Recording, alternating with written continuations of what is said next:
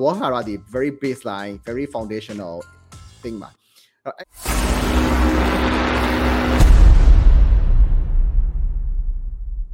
ကိုထက်အောင်သွေးမိထားတာက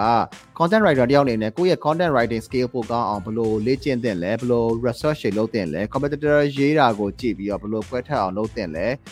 ကြံပေးပါအောင်နဲ့ဟိုအရင်ရင်က live ချိန်မှာတော့အခုပြောခဲ့တယ် com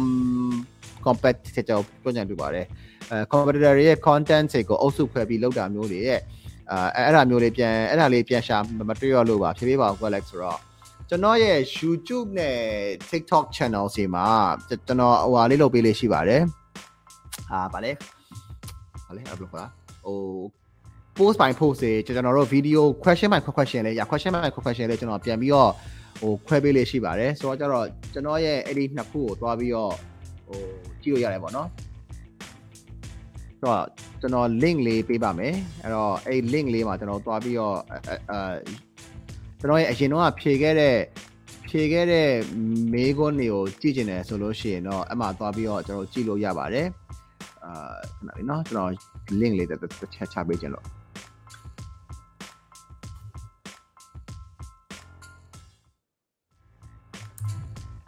ဒါကျွန်တော်ရဲ့ YouTube channel ပါအခု YouTube ကနေပြီးတော့ကြည့်နေတဲ့သူတွေလည်းရှိရပါတော့တယောက်ရှိရဆိုတော့ဒါကျွန်တော်ရဲ့ YouTube channel ပါအဲ့တော့ YouTube ထဲမှာလည်းအာကျွန်တော်ကဘယ်လိုဘယ်လိုလုပ်ပေးလဲဆိုတော့ကြတော့ um အဲ့တော့ကျွန်တော်ချက်လေး screen share ပေးပါမယ် YouTube channel ရဲ့ပုံစံလေးတွေပေါ့လေအဲ့တော့ဒီမှာကျွန်တော်တို့ video အောက်ထဲမှာ ဗီဒီယိုတစ်ခုချင်းစီဗီဒီယိုအသေးတွေပေါ့နော်ဗီဒီယိုအသေးတွေတစ်ခုချင်းစီကိုကျွန်တော်ပြန်ပြီးခွဲပေးပါတယ်အာကျွန်တော်ရဲ့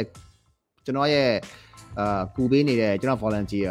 ညီမညဝေးကြီးကိုကျေးဇူးများတင်ပါတယ်ဒါကျွန်တော်ဟို shout out လုပ်ပေးရပါသူလုပ်ပေးလို့ပါဒီအရာတွေအကုန်လုံးကအဲ့တော့တစ်ခုချင်းစီအတွက်ကိုကျွန်တော်ပြန်ပြီးတော့ဟိုခွဲပေးထားတဲ့ပုံစံမျိုးမျိုးလေးတွေပါ okay ပြီးတော့ကျွန်တော်ဒီဟာကိုပြန်ပြီးတော့စာအုပ်ထုတ်မယ်ပေါ့နော်ကျွန်တော်အခုစာအုပ်လည်းရေးပြီးသလောက်တော့ဖြစ်နေပါပြီ ဆိုတော့အဲ့ဒီဟာဒီလည်း again ပေါ့လေးထပ်ပြီးတော့ plain ကြွကြွကြွဝင်တာပါ um okay အဲ့တော့ဘယ်လိုမျိုး content writing skill ကိုပိုကောင်းလာအောင်လေ့ကျင့်သင့်လဲ research လုပ်သင့်လဲဆိုတော့ကြတော့ဟိုကျွန်တော်တို့ကတော့ဘာလုပ်လဲဆိုတော့ content writing skill က number 1ကတော့ again ပေါ့လေဟိုစကလုံးတွေကျွန်တော် wall ဟာရတွေကိုအရင်ဆုံးတော့လိုက်ဖတ်တယ် အဲ့တော့ဟို wall ဟာရကတော့ content writer တယောက်အတွက်ကတော့ရှိတင်တာပေါ့နော်အဲ့တော့ wall ဟာရဒီ very baseline very foundational thing ပါအဲ့ဒီဟာရဲ့ next level မှာကျွန်တော်ကဘာရှိလဲဆိုတော့ဟို storytelling approach ကိုဘယ်လောက်ထိလုံးနိုင်မှာလဲဆိုတဲ့ဟာမျိုးတွေကျွန်တော်ရှိတယ်အဲ့တော့ content writing skill မှာကျွန်တော် framework တွေရှိတယ်ဒီမှာ pain agitate solution ဆိုတဲ့ PAS framework ရှိတယ်ကျွန်တော်တို့ EING either ဆိုတဲ့ content writing framework ရှိရယ်စရဲစရဲစရဲစရဲဟာတွေပေါ့လေကျွန်တော်အဲကျွန်တော်ကျအဲ့ဒီဟာကိုအသိပြီးတော့မသိဘူးကျွန်တော်ကျဘာကိုဦးစားပေးပြီးတော့လုပ်လဲဆိုတော့ကျွန်တော်တကူတယောက်လည်းပြောတာနော်နောက်တစ်ခုကကျွန်တော်ကျွန်တော်သိတယ်ဟို content creative မဟုတ်ဘူးအဲ့တော့ကျွန်တော်တဦးတယောက်အတွက်ကကျွန်တော်ကဘာကိုကြည့်တာများလေးရှိလဲဆိုတော့အာ big idea ဒီဒီ topic ကိုကျွန်တော်အရင်ဆုံးလိုက်ရှာတာအဲ့တော့ topic ကိုကျွန်တော်ကဒီ ပစ္စည်းတစ်ခုဒီ brand တစ်ခုအတွက်ရေးရမယ်ဆိုလို့ရှိရင်အဲ့ဒီ audience ကစိတ်ဝင်စားနေတာဘာရှိလဲဆိုတော့ကျွန်တော်အကုန်လုံးလိုက်ကြည့်တယ်အဲ့ဒါကိုသိပြီဆိုလို့ရှိရင်ကဟိုလူတွေရဲ့ cultural relevance ပေါ့နော်ဒီအချိန်မှာလူတွေစိတ်ဝင်စားနေတာကဘာလဲဆိုတဲ့ဟာနဲ့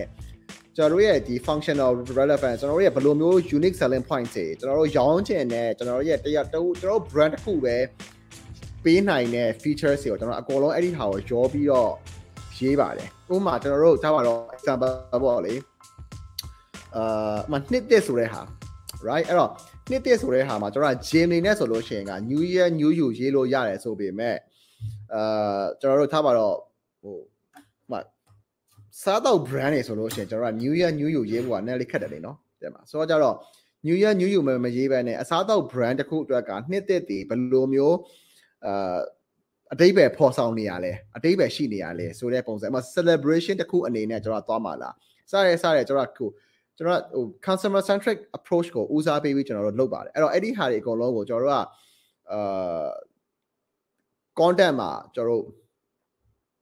ရေးရေးကြည့်တာပေါ့လေကျွန်တော်အာရေးကြည့်တယ် ခြုံကြည့်တယ်ပို့ပြီးတော့ဟို exciting ဖြစ်စေနိုင်မယ်ပို့ပြီးတော့စိတ်လှုပ်ရှားဖို့ကောင်းနိုင်မယ် approach တွေကျွန်တော်ရေးကြည့်မှာလားဒါမှမဟုတ် storytelling approach ရေးကြည့်မှာလားဘယ်လိုမျိုး emotion မျိုးပေးမှာလဲဆိုတဲ့ပုံစံမျိုးကိုကျွန်တော်တို့က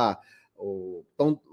အမျိုးမျိုးခွဲပြီးတော့ပုံစံအမျိုးမျိုးနဲ့ကျွန်တော်တို့ content topic တစ်ခုတည်းကိုပုံစံအမျိုးမျိုးနဲ့ကျွန်တော်ရေးကြည့်တယ်အဲ့ပေါ်မှာကျွန်တော်ဘယ်ဟာဒီအကောင်းဆုံးဖြစ်နိုင်မလဲဆိုတာမျိုး